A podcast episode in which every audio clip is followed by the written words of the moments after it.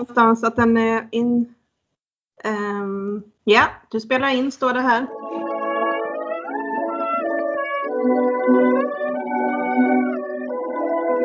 Bra. Okej, vad spännande. Ja, hej Lisen. Hej Frida. Nu sitter du inte hos mig här. Nej, jag gör inte det. Det brukar vi ju göra när det är dags för ett nytt avsnitt av Bokad. Precis. Så du sitter hemma också va? Jag står faktiskt eh, upp i köket hemma hos oss.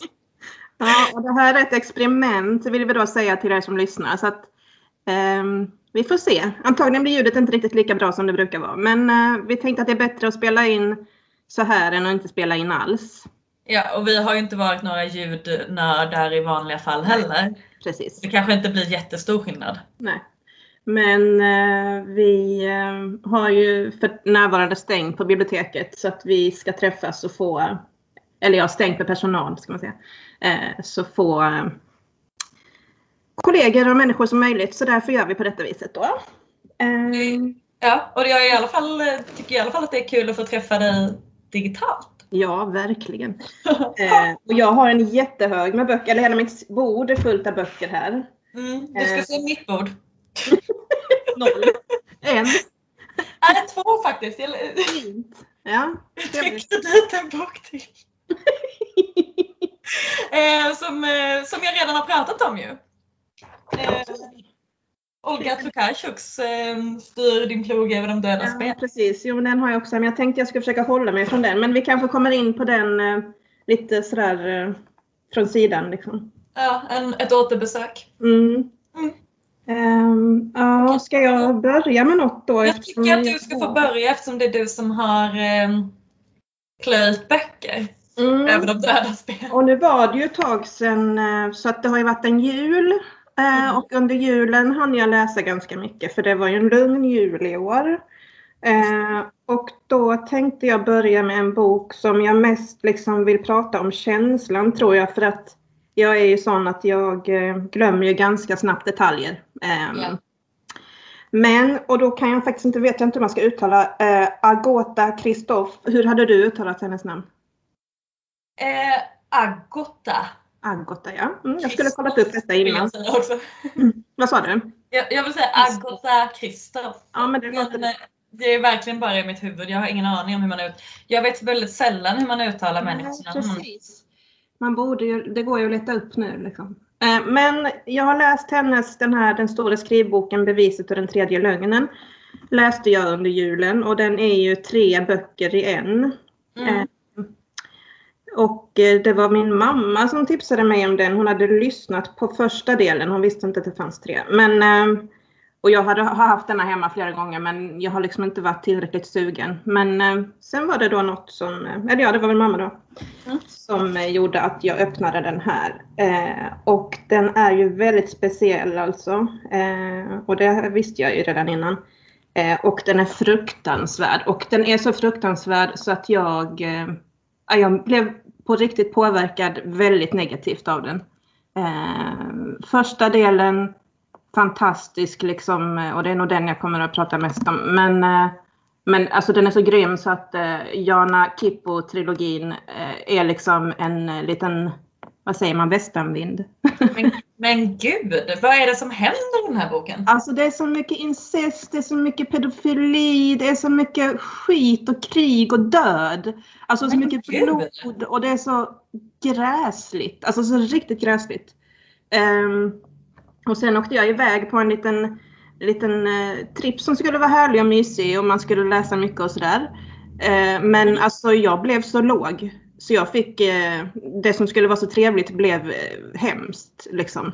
Jag blev inte på gott humör så att jag fick sluta. Jag tänkte jag skiter i den här nu, jag pausar den.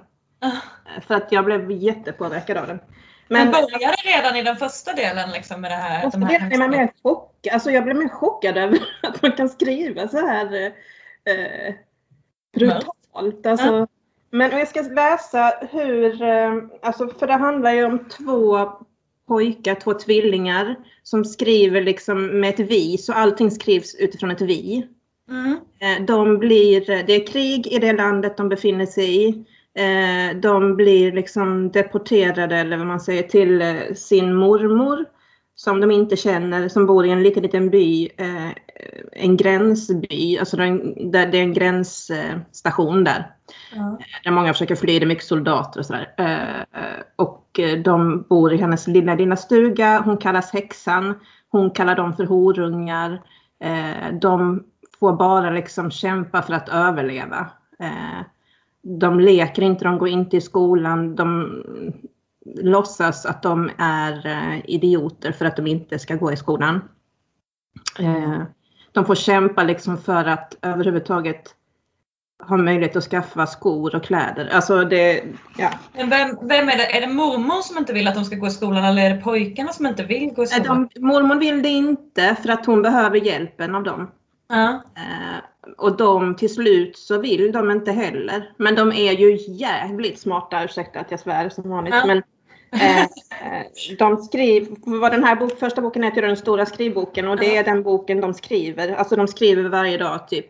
Har de en bok, är de lyckas eh, liksom eh, gå till bokhandeln och Alltså de är ju smarta så att de på något sätt lyckas de byta till sig. Eller någonting, jobba till sig, jag kommer inte ihåg.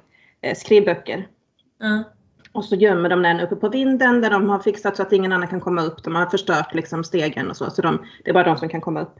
Och där skriver de och ingen annan får läsa. Och de skriver, eh, jag ska läsa hur de skriver. Mm. Vi ska beskriva hur saker och ting är. Det vi ser, hör och gör. Det är till exempel förbjudet att skriva mormor liknar en häxa. Men det är tillåtet att skriva folk kallar mormor för häxan. Det är förbjudet att skriva lilla staden är vacker eftersom lilla staden kan vara vacker i våra ögon och ful i någon annans. På samma sätt är det ingen sanning om vi skriver adjutanten är snäll eftersom adjutanten kan vara i stånd till elakheter som vi inte känner till. Därför skriver vi bara adjutanten ger oss filtar. Vi måste skriva vi äter mycket valnötter istället för vi älskar valnötter eftersom ordet älska inte är något pålitligt ord. Det är luddigt och inte tillräckligt objektivt. Älska valnötter och älska mor kan ju inte betyda samma sak. Ord som beskriver känslor är väldigt vaga. Man bör helst undvika dem och hålla sig till att beskriva föremål, människor och sig själv. Det vill säga troget skildra faktiska förhållanden. Och boken är skriven så här, alltså otroligt kargt och bara sakligt. Liksom. Eh, men och sen när första skrivboken slutar eh, och beviset då börjar så är allt upp och nervänt. Och så vet man inte om någonting av det som stod i första skriv, eh, stora skrivboken är sant. Okej. Okay. Och är och så de, Har barnen blivit äldre då eller? Uh, eller utspelar det sig på samma tid? Nej, de har blivit äldre ja. Uh, och det kommer in massa nya personer och som vänder upp och ner. Ja, nej, men alltså, den, den är otroligt skickligt skriven. Och till slut läste jag ut den för jag kunde inte hålla mig. Eh, när jag hade fått pausa i en vecka så kände jag att nu måste jag veta hur det går. Det verkar eh. otroligt spännande. Alltså jag älskar ju det här med eh, när en berättelse ställs på ända liksom. Ja. Av nya, nya bevis då. Och den hette beviset, den andra delen. Japp. Och den sista då den tredje lögnen. Så att. När jag läste ut det så var jag inte säker på vad som, alltså jag vet fortfarande inte riktigt. Eh, jag tror att jag vet hur jag tolkar det men eh, mm. Mm. Ja, det var en... En, eh, en kollega som har pratat om den också. Ja. Okay. Så, så du kan du kan få prata med henne om hur hon tolkar Ja, det vill jag göra. Ehm, jag är ju nu sugen på att läsa hennes dels självbiografi, Analfabeten tror jag den heter, och sen också den nya igår. Som jag har fått fantastisk. Men alltså jag orkar inte med mer krig just nu. För jag hade, när jag hade läst ut den här så hade jag en annan som jag tänkte jag skulle börja på. Men det var också så här krig, fly. Jag bara nej. Nej. Nej, för vad läste jag då? Jo, då läste jag en uh, feelgood eller romance. Åh oh, ja, berätta mer. Jag, jag behöver mer romance-tips nu. Jag tror du skulle kunna gilla denna alltså faktiskt. Vi brukar ja. inte gilla riktigt samma uh, feel good böcker men den här har ett fint omslag. Nu kan jag inte visa dig det då. Nej. Uh, men det är i så går det gult, ljusrosa och grönt. Skira färger. Mm. Uh, står en kvinna och en man bredvid varandra, håller varandra i handen hon håller en bukett med gröna eh, blommor, eh, blad framför ansiktet så man ser inte ansiktet. Han håller en, vad heter det, sån här eh, som man köper på tivoli. eh, sockervadd framför huvudet. Ja. ja, gulligt är det. Eh, stilrent. Men sen blev jag lite besviken när jag såg, för jag ska säga att den här heter då 12 veckor med dig av Johanna Schreiber. Just det, det är den som jag tycker låter så fruktansvärd intryck. Och jag jag kommer ihåg att du har sagt att det här, det här kommer du gilla, det här är jättebra. Och jag bara, men jag har läst om vad den handlar om, det verkar hemskt. Jag Du kanske ska läsa hennes förra, för den handlar om att vara föräldraledig tror jag. Ja. Den tänkte att jag borde börja med den, men den här, tycker, alltså den här verkar som en, alltså det är en thriller för mig typ. Ja, nej, berätta vad det egentligen. Alltså. Men när man sen ska säga nästa tror jag du skulle kunna inleda, som hon kommer med i mellan raderna tror jag den heter, den handlar om förlagsbranschen. Det låter väl som Mm. något. Det låter bättre. Ja. Ja, nej men här är det då två eh, personer som eh, är i 30-årsåldern drygt. Eh, träffas på ett bröllop på Öland. Eh, de raggar på varandra, har sex i en bastu och eh, blir gravida. Eh, redan innan de vet att hon är med barn så har de faktiskt bestämt att de ska ses igen fastän att de är otroligt olika och verkar som att det absolut inte ska funka. Liksom. Men sen hinner de inte träffas förrän hon eh, gör ett gravtest och ser att hon är gravid och då eh, vill de egentligen båda ha barn. Alltså de har ganska mm, sårigt förhållande till eh, missfall och graviditeter eh, tidigare. Eh, och båda vill ha barn och de är ju i den här åldern där det börjar bli dags. Mm. Och de gillar ju ändå varann. Eh, på något sätt, även om de kommer från helt olika eh, klassiska, ja men typ. Ehm, så att de bestämmer sig för att hon ska flytta in hos honom och så ska de se, de har några veckor på sig innan de måste bestämma sig för om det blir abort eller inte. Eh, och då ska de se om de eh, funkar ihop. Och vad Ja. är de liksom, de är lite olika säger du. Vad, vem är han och vem är hon? Han är eh, ekonom, rik, bor på Österby, eh, på Östermalm. kan också bo på Österlen men han, han bor på Östermalm kanske. Ja, eh, och hon är då en flummig, jobbar med mm, vad heter det, mänskliga rättigheter och sådär. Eh, vad heter, nej men inte, vad heter det? Eh, välgörenhet. Ja okej, så hon, hon vill egentligen ta hans pengar och ge till de fattiga och han vill ta de fattigas pengar och ge till sig själv. det. Ah, det är inte så lätt alltså. De är ju komplexa varelser båda två. ja, men vad som är bra med den här, alltså jag kan hålla med om att upplägget är inte något jag överhuvudtaget dras till. Eh, Men sättet de skriver på är skitbra och det är väldigt mycket så detaljer som gör det. Det är roligt. Det är, ja, men det är, den är rolig och det är väldigt bra dialog. Det gillar jag när det är det. Eh, Ja, ja gud ja, det är, och det är ganska sällan man hittar riktigt bra dialog ju.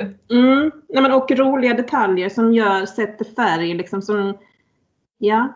Mm. Nej men jag, alltså jag tror att den kan vara jätterolig och jättebra. Och jag ska försöka läsa den. Det är bara att jag, Nej, men alltså ta någon av de jag blir så orolig över den intrigen. Ja men alltså jag förstår det. Jag, jag, jag, har inte, jag vet inte, den har varit hemma hos mig ganska länge utan att jag har läst den. Sen var det väl att jag inte hade något annat och då började jag på den här och då gick det väldigt bra. Jag skulle ha behövt den boken nu. Eh, Jag, eh, jag har ju inte läst så mycket då. Nej. Nej. Jag eh, eh, började på eh, Olga Tokarczuks Löparna innan jul. Ja. Ja. Eh, och jag läste ju eh, din plog över de dödas ben i somras Mm, och pratade om den lite i podden.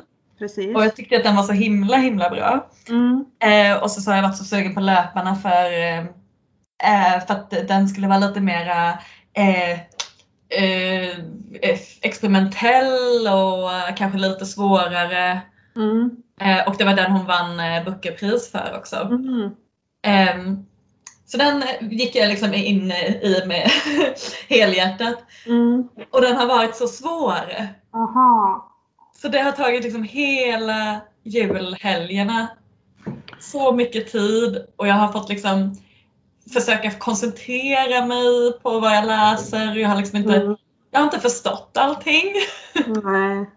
Eh, jag har kollat flera gånger på, är det verkligen en roman? är det en roman jag läser eller är det liksom Men Eh, berätta då, vad, vad, är, vad är det för bok? Jo men eh, den handlar... Den, den handlar om folk som reser. Är väl en liksom, ramberättelse kanske. Mm. Man kan tänka sig. Eh, det börjar med en berätt att det är en berättare då som pratar om att hon eh, inte kan leva på ett enda ställe. Nej. Hon måste hela tiden befinna sig i rörelse. Och att, liksom att rörelsen är det enda, eh, det enda, den enda sanna, eh, det enda sanna sättet att vara för en människa. Mhm. Att vi måste hela tiden befinna oss i rörelse. Mm. Eh, men sen så handlar det också väldigt, väldigt mycket om eh, bevarade kroppsdelar. Okej. Alltså typ hur man eh, kanske tar isär en kropp och eh, bevarar olika inälvor i vätskor, i burkar. Ja, varför? Varför man gör det? Eh, Mm. Jag vet inte exakt varför man gör det. Eh, det är också en, en person som har blivit uppstoppad. Mm. Eh, alltså inte i nutid då utan man får, hö, eh, man får brev från hans dotter till, han har varit eh, han har varit en hov, hovman vid, hos en kung. Och Mm. hon, den här dottern skriver hela tiden brev till kungen där hon ber honom om att ge hennes pappa en kristlig begravning. Istället för att han, hennes pappa då ska stå uppstoppad i hans kuriosa-kabinett. Ja.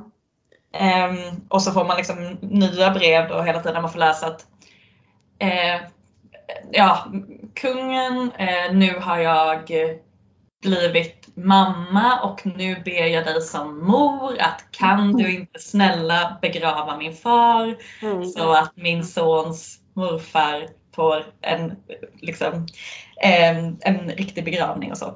Mm.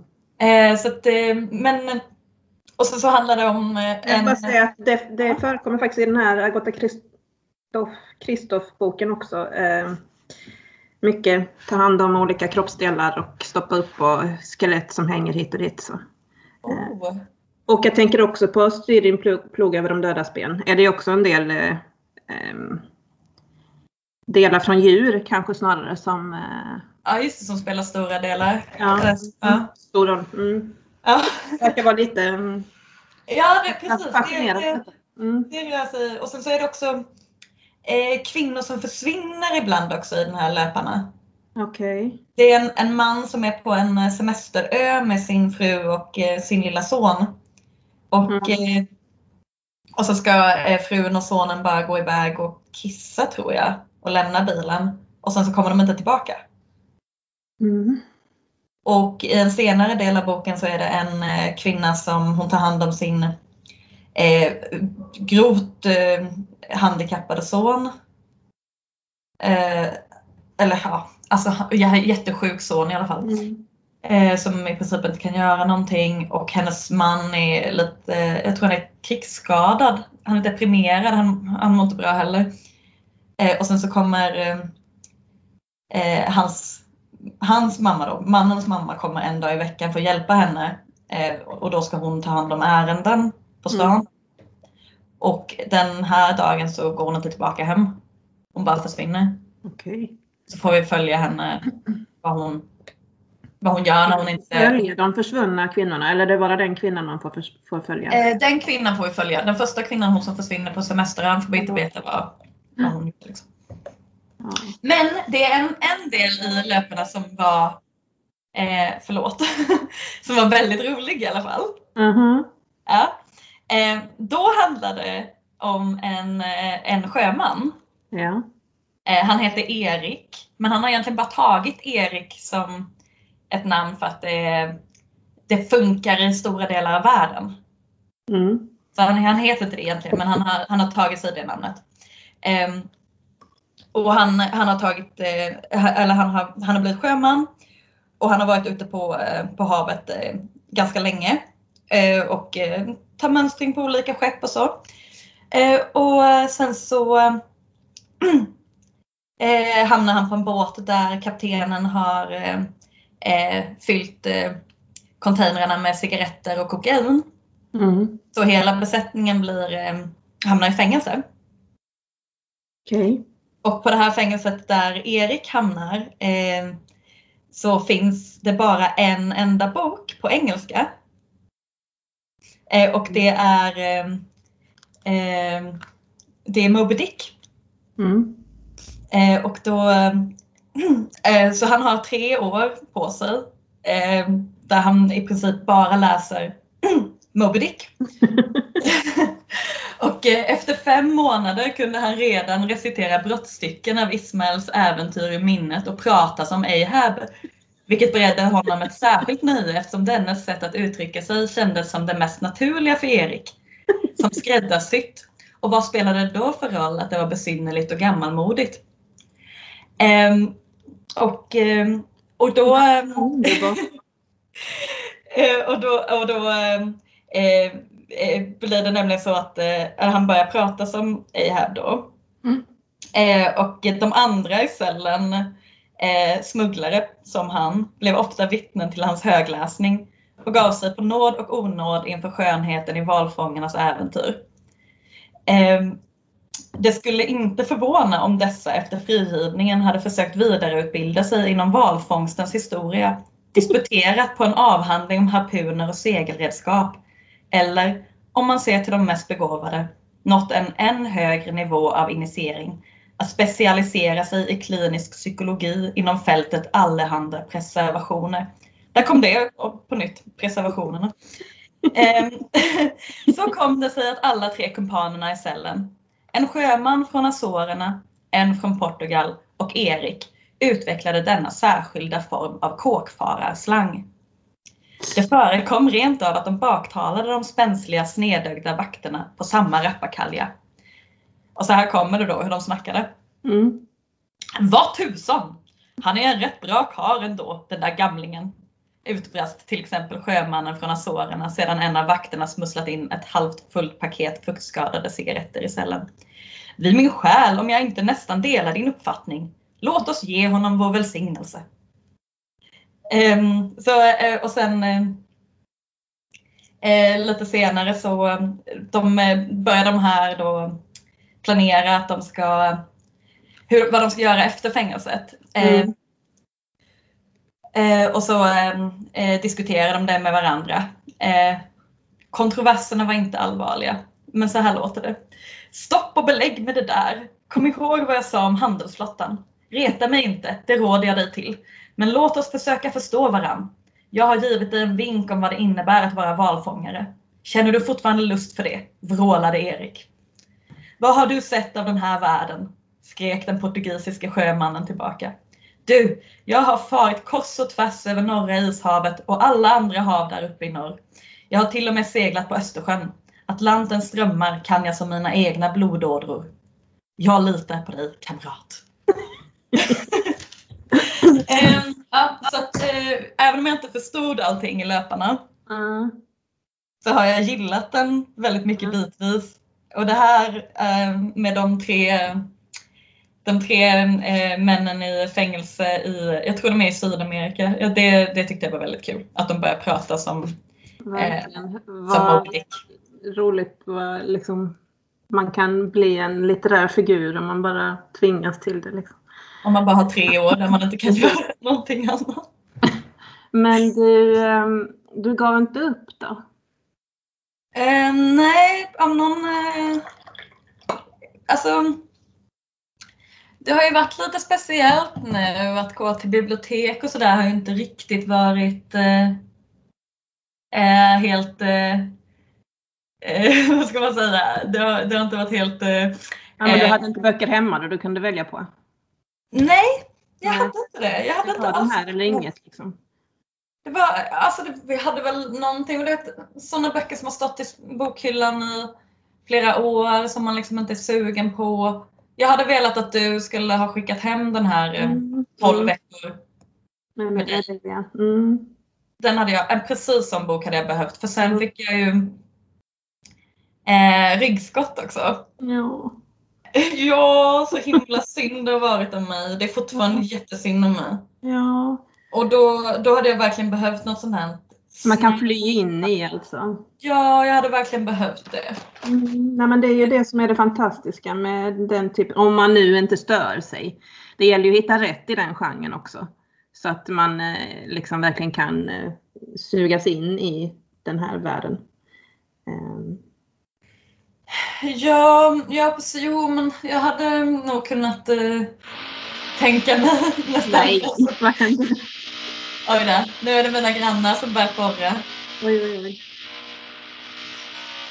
Vi får se om vi...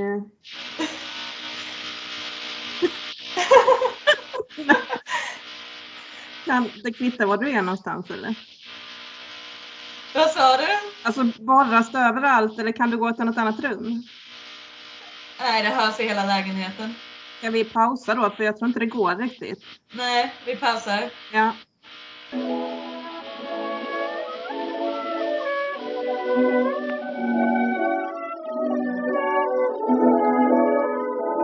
Okej, nu är vi tillbaka igen utan borrning hoppas vi. Ja. Möjligen lite dammsugning sa du, men eh, det låter inte vad jag hörde i alla fall. Nej, nej, precis. Jag tror också att det betydde att hantverkaren var färdig. Ja, precis. Um, det var alltså grannarna som skulle ha en ny dörr idag. Ja, det är Ja. sånt som man inte är beredd på när man jobbar hemma. Nej, det var, det var fruktansvärt. Ja, men eh, ja, jag vill då ehm, knyta an till det där du sa att man får läsa det man har hemma helt enkelt. Ja. Eh, som du fick göra då med löparna, varför du inte valde någon att avbryta läsningen och ta någon annan. Eh, jag hade då slut på Feel Good. Som jag ju läser på kvällen innan jag ska somna. Mm. Men om du kommer ihåg Lisen så vann jag böcker i en tävling innan jul. Eh, Ja, men det kommer jag mycket Ja, väl. Jag vann, du vann inte. Nej, ja, men jag, jag är inte bra på lotterier. Eh, Hon skrev ju att det var för min fina eh, vad heter det, motivering ska vi ju då säga. Men eh. Okej, så jag är alltid värdelös på att skriva. Det, var skönt att du, att du påpekade det. Ja. Nej men och då hade jag ju lite teorier kring vad jag fick för böcker. Så var jag lite missnöjd. Eh, och jag Ja. fick en deckare, kommer du ihåg det? Stormvakt av Kristina Olsson. ja, det kommer jag ihåg. Jag tänkte nu chocka dig genom att säga att det är den jag läser nu. Eh, eh, jag läser alltså en deckare eh, på kvällstid. Ehm, Ja, Jag vet inte vad jag ska säga. Nej. Eh, men jag gör ju detta kanske en gång per år, väljer en deckare. Och varje gång blir jag ju väldigt liksom, positivt överraskad över hur mycket jag ty- ändå tycker om det och hur så smart jag tycker det är. Nu har den här inte hunnit bli så smart än. Men jag gillar, eh, gillar miljön, jag gillar liksom eh, det här är första delen också, det var ju bra, i den här serien som heter då En Strindberg-deckare och huvudperson, eller en av huvudpersonerna, eller huvudpersonen, det är väl han som ska vara, vara liksom genom hela serien, heter då August Strindberg. Eh, Okej, men det är inte nej. liksom författaren något Men han är med i en bokcirkel och sådär och han får ju mycket frågor om det här med sitt namn och så. Men eh, han har flyttat från Stockholm för att liksom börja om efter en eh, relation som gick i kras och så. Eh, han vill börja ett nytt liv och då köper han en gammal begravningsbyrå som han ska göra om till en second hand-affär. Och var ligger, vad är det för ort? Ja precis, den ligger i Bohuslän. Eh, runt Smögen, inte i Smögen, på Smögen säger man. Eh, men eh, men eh, på några Hovenäset i Bohuslän. Ja, jag kan inte alla orterna där, men eh, det är små orter där runt Smögen. Ja. Med klippor och grejer. Och eh, så börjar det såklart med att en kvinna försvinner då. Eftersom det är en deckare. Så att det pågår ju liksom en utredning kring detta och alla letar missing people letar efter henne. Och man får lära känna eh, poliserna som utreder detta och deras trassliga hemförhållanden. Och, ja, alltså, men sen är det, det spännande det här med second hand-affären också tycker jag. Och, och han, bo, han får hyra in sig i ett hus där det någon, har skett något väldigt hemskt för 30 år sedan som alla pratar om men ingen berättar för honom. Så taskigt. Ja. Eh, ja men jag gillar det. Det är korta kapitel. Eh, Det flyter på väldigt fint. Eh, skiftar mellan olika perspektiv. Så här, eh, Och så är det kul att läsa om, jag har inte varit så mycket på västkusten. Um, känns som att det är en vanlig deckarsetting. Västkusten. Ja. ja. Visst är det Läckberg som skriver? Ja, ja, ja precis. Och jag tror att jag har läst något annat, någon annan också ser det som. Nu är jag ju inte kunnig i deckargenren men... Eh, nej, nej, det ska vi inte påstå att vi är. Men eh, vad heter det, skulle man kunna eh, kalla den här för en feel good deckare Är det snäll deckare? Än så länge är den snäll. Absolut, än så länge är den snäll. Men jag kan inte gå i god för den. Jag har läst en tredjedel kanske. Ja. Så jag vet faktiskt inte. Men det känns jag...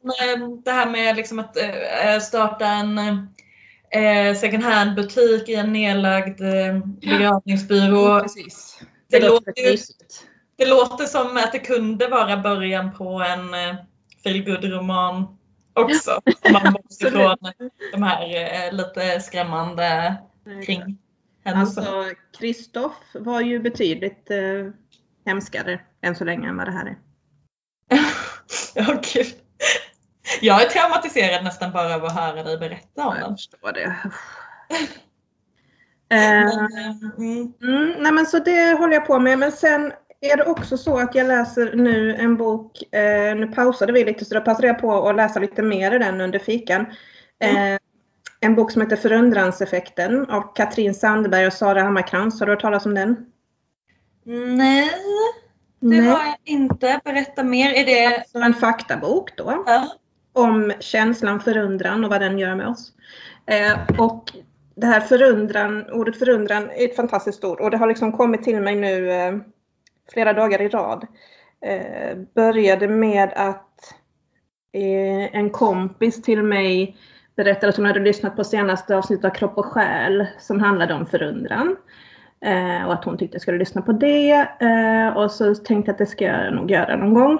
Eh, och sen så igår när jag läste DN så var det en recension av eh, vad heter det, Knausgårds senaste bok Morgonstjärna. Mm.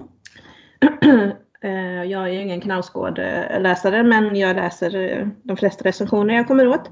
Så att jag läste den och den var ju överlag då positiv. Men hon reflekterade lite kring vad som gör att hans liksom, redogörelser inte känns banala när någon annan som hade kanske skrivit om samma sak, hur man tar ut eh, maten från kylskåpet, eh, skulle vara banalt. Liksom, vad är det som gör att hans texter inte är banala? Och hon, då använder hon ordet förundran också, att han liksom upplever förundran över det han ser eh, och gör. Och att det är det som gör skillnaden. Liksom. Mm. Eh, och sen var jag ute och gick en promenad igår och då lyssnade jag på det här Kropp och själ-avsnittet och då handlade det om förundran och jag blev eh, liksom tagen av det. Jag tyckte det var jätteintressant och sen kom jag på att jag hade boken Förundranseffekten i bokhyllan hemma. Så då öppnade jag den. Ja, och nu har jag läst lite i den och tycker att det verkar vara en eh, fantastisk eh, känsla. Eh, och jag tror att jag är ganska bra på att uppleva den också. Eh, du som har små barn, eller litet barn. Uh-huh. Det är bland det lättaste sättet att uppleva förundran är att ta sitt lilla barn i handen eller nu kan hon inte gå än men, men att liksom se vad barn har ju det liksom naturligt eh, förundran inför omvärlden. Så att, att eh, slå följe med ett barn är det bästa sättet. Ett enkelt sätt att uppleva förundran. Men eh, att läsa kan ju ge en känsla av förundran, att lyssna på musik, att få gåshud, det är ju ett tecken på förundran till exempel. Eh, se, vara var ute i naturen naturligtvis. Eh, ja men de går igenom väldigt eh, noggrant och med mycket liksom, referenser till forskare och eh, undersökningar och så. Vad som faktiskt händer i kroppen och i hjärnan eh, Jätteintressant. Skulle det kunna vara någonting som har hänt under nu när man inte får resa så mycket? Jag tänker att resande mm. borde väl också vara... Exakt, att se nya grejer. Är ja. liksom, men, och det tänkte jag på nu när jag läste här också, att undra vad, vad liksom pandemin, om, för det är ju också att kunna se det i det lilla, tänker jag. Ja, Eller, jo, det är det ju verkligen. Men eh, det är ju någonting, en ny känsla är det ju. Eh, och att bara gå inne i samma lägenhet som många gör nu, inklusive ja. mig själv, eh, i samma by. Eh, ger ju inte jättemånga nya intryck liksom. Eh, så då handlar det om hur bra man är på att se det man har omkring sig kanske och Ja. se nya vinklingar på det. Jag vet inte. Precis, det kanske är det att man, man går på samma vägar som man alltid gör. Mm. Men en dag så kanske man tar bara en liten, liten, man kanske går över till andra sidan vägen. Ja. Till exempel och ser någonting. Precis. Eller nu när våren kommer snart att man ser oj nu har det kommit en liten knopp på det trädet. Eh, det har jag inte sett innan kanske. Eller hör en fågel som, för jag var ute och lyssnade på det här, det var rätt komiskt, så gick jag då en promenad, fint promenadstråk, men med hörlurar liksom. Och då hör man ju inte eh, runt omkring vad, vad som finns runt omkring. Men så stötte jag på en person som jag brukar, vi brukar bara heja på varandra sådär när vi är ute och går, men hon stannade och så tog jag av hörlurarna sådär lite halvt. Hon bara, ja, nu har fåglarna, nu har vårfåglarna börjat kvittra, sa hon. Eh, ja, du hör ju inte det för du har hörlurar på dig. Så, nej, men nu ska jag ta av dem, sa jag. Eh, så sista vägen ska jag gå och bara lyssna på fåglarna. För det kändes helt fel. att Jag gick och, lys- jag gick och lyssnade på något om förundran och liksom kunna se det och höra det som väcker känslor runt omkring en. Och så själv stängde jag in mig så att jag inte skulle liksom kunna... Ja, men så det var en eh, bra tankeställare. Mm. Man gör ju ofta så. Alltså. Jo, eh, men då hörde jag fåglarna. Eh, och de liksom så här, man hörde på långt håll så svarade de varandra. Det var så himla fint. Eh, mm. Att jag blev också sugen på att gå ut. Ja, det solen sken här faktiskt. Det solen skiner här också, det ser underbart ut. Men du, jag har gått igenom allt mitt nu. Eh, vad ska du läsa framöver? Eh, ja, eh, är din plan alltså. Sen får vi se om det blir bra. Men ja vad, vad eh, är det jag ska läsa? Får jag, får jag kika vad det är jag ska läsa? ja, ja, ja. Alltså förlåt, jag är, alltså jag är verkligen eh, inte en bra eh, poddpartner just nu. Jag är bara en sån person som precis klarar av att hålla näsan ovanför ytan. Ja, men det är helt okej. Ehm, Okej, Du det får säga pass också på frågan om du inte vill svara på den. Ehm, ja, nej men jag, jag är ju sugen på ehm, eh, Henrik Bomander kommer ju med en Mm. roman. Mm. Eh, så den, eh, den vill jag ju läsa. Mm. Men frågan är, jag är inte hundra på vad den kommer handla om. Nej, jag har inte heller. Vad sa du? Skymningstid heter den. Okej, Ja. Mm. Ja. ehm, och sen eh, är jag intresserad av eh, Ann-Helén Lestadius Stöld. ja, just det. Ehm, som, ehm, som ju handlar om eh, eh, om Samerna. samer och renstöld och Mm. trakasserier och hemskheter. Tror den är jätte, jätteläskig men eh, Mm.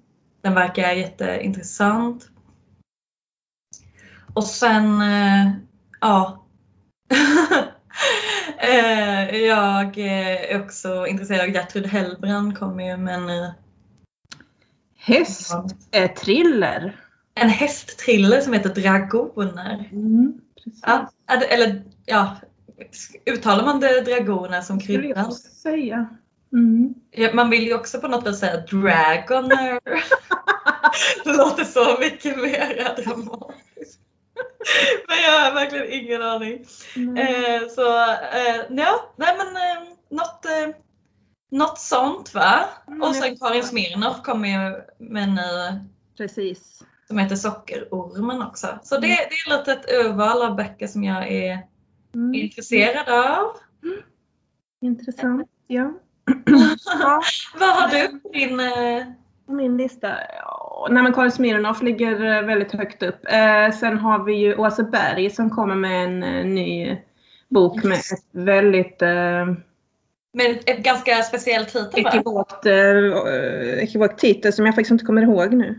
Det- Nej, nej, du vågar Jag tänkte att du kanske inte vågade Jo, säga. då, men jag kommer faktiskt inte ihåg. eh, Det står still i huvudet. Men eh, ja, de två eh, är de första jag kommer på. Eh, Då blir det väl jag som får säga det högt då. Ja. Ja. En uppblåst liten fittas memoarer. Mm. Ja, fint. Förlåt. Den vill jag läsa. Ja. Okej, men nu ska vi inte dra ut på det här tror jag. Eh, Nej. så det blir för långt. Eh, nej precis. Eh, det, det, det, det får räcka här. Okej, Ta- tack för den här inledningen på den nya terminen Frida. Ja, tack själv. Hoppas vi Ja. ses på riktigt nästa gång. Ja, och jag hoppas att jag kanske bidrar lite mer och inte bara... Ja, jag känner ingen stress. Ett av mina mål för livet är att läsa utan stress. Det tycker jag du också ska eh, anamma. Underbart! Ja. Underbart. Det, det ska jag ta till mig. Okej, ha det så bra. Hej då!